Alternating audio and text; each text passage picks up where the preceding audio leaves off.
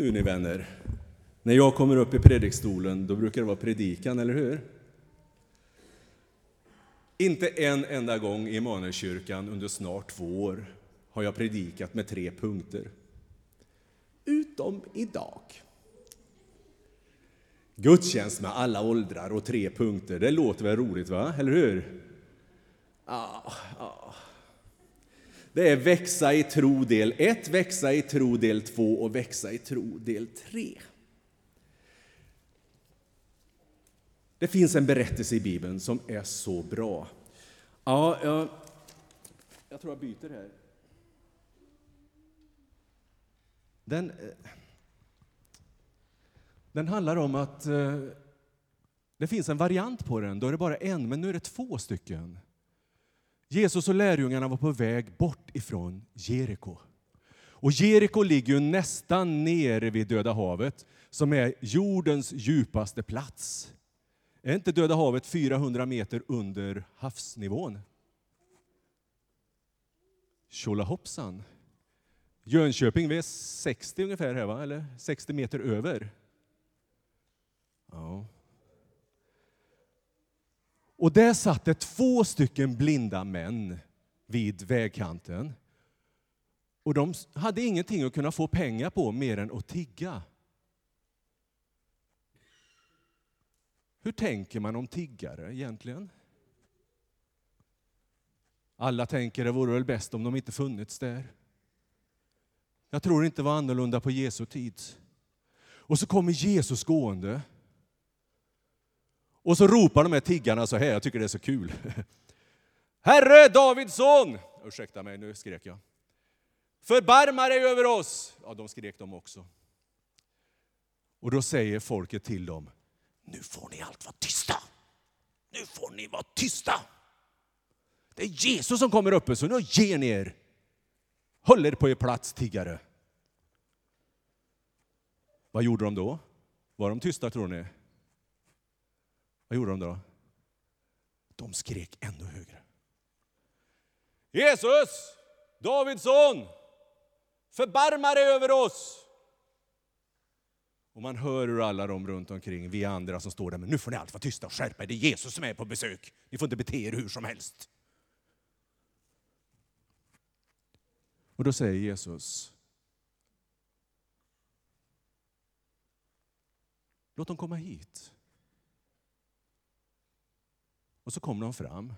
Och de leds ju fram och han ser ju att de är blinda. Vad tror ni han säger till dem då?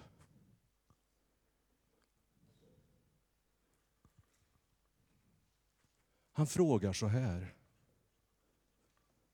Vad vill ni att jag ska göra för er? Vad vill ni att jag ska göra för er? Ingenting att jag lärde något yrke och skaffade några pengar eller inga klagomål. Utan vad vill du? Han skulle kunna säga, ja, jag gör er friska nu också. Men han bryr sig inte ett dugg om att låtsas tro att han vet vad de vill. Utan han frågar dem, vad vill du? Vad vill du att jag ska göra för dig, för er? Och då svarar de, vi vill ha vår syn tillbaka. Och så står det så här. Jesus fylldes av medlidande och rörde vid deras ögon. Och genast kunde de se. Del 1, att växa i tro. Det är att först våga, när man känner att, att jag tror på Gud och jag vill be till Gud.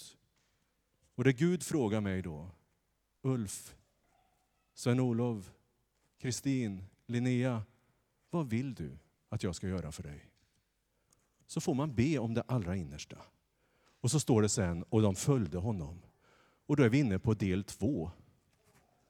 Jesus kallade dem att tjäna, att vara lärjungar.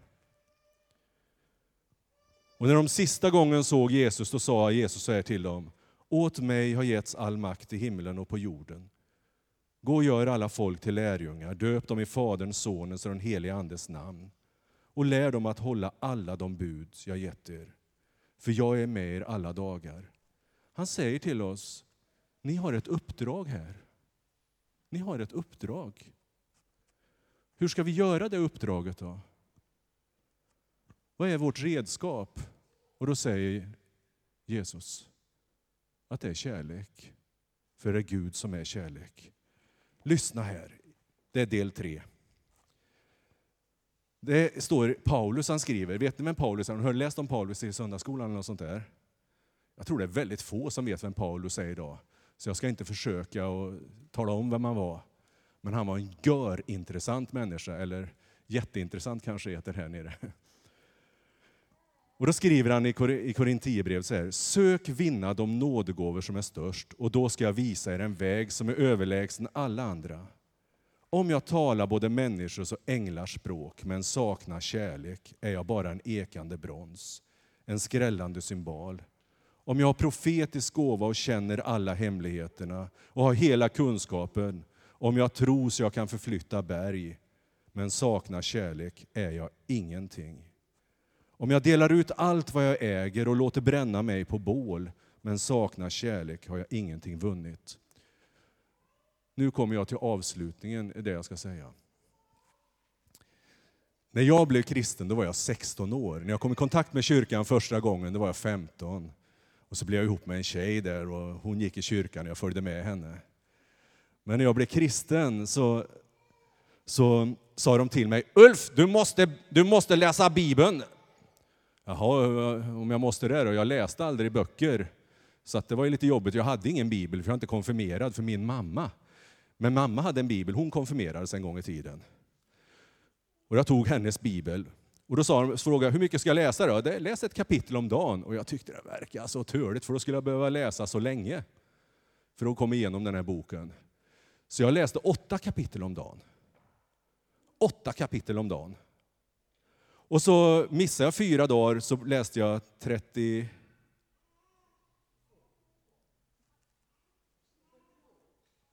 Ja, just det. Det är några som var på mattelektionerna där också. 32 kapitel den dagen. Problemet var, är det någon av er som sover i samma rum som eh, sitt syskon? Är det Nej, brorsan och jag sov tillsammans. Och han, lillebror, var måttligt road att jag läste Bibeln på kvällen när vi skulle släcka. Och jag kommer från ett ställe som heter Skogal och där pratar en så här. Ja men Gerhard, gå och släck det där ljuset nu då, sa brorsan till mig. Nej, jag ska läsa klart, sa jag. Den här gången just så var vi i våra torp och jag läser Bibeln. Och då säger han, nu släcker jag ljuset, säger han. Det gör du inte alls, säger jag. Och så går han och släcker ljuset ändå. Och då går jag upp och säger till du ger dig inte att du släcker en gång till. Då vet du vad som händer. Han är ju lillebror. ja. Jag hinner inte mer än att sätta mig och börja läsa. Så går han upp och släcker. Och då går jag upp och så tar jag tag i och säger, du, Släcker du en gång till nu så ger jag dig stryk. Det vet ju inte ni vad det är, men jag ska tala. Och då säger brorsan, det driter jag i, sen. Det betyder ungefär det jag sa. Och så går han upp. Och så släcker han ljuset. Och jag är inte den som inte håller de löftena.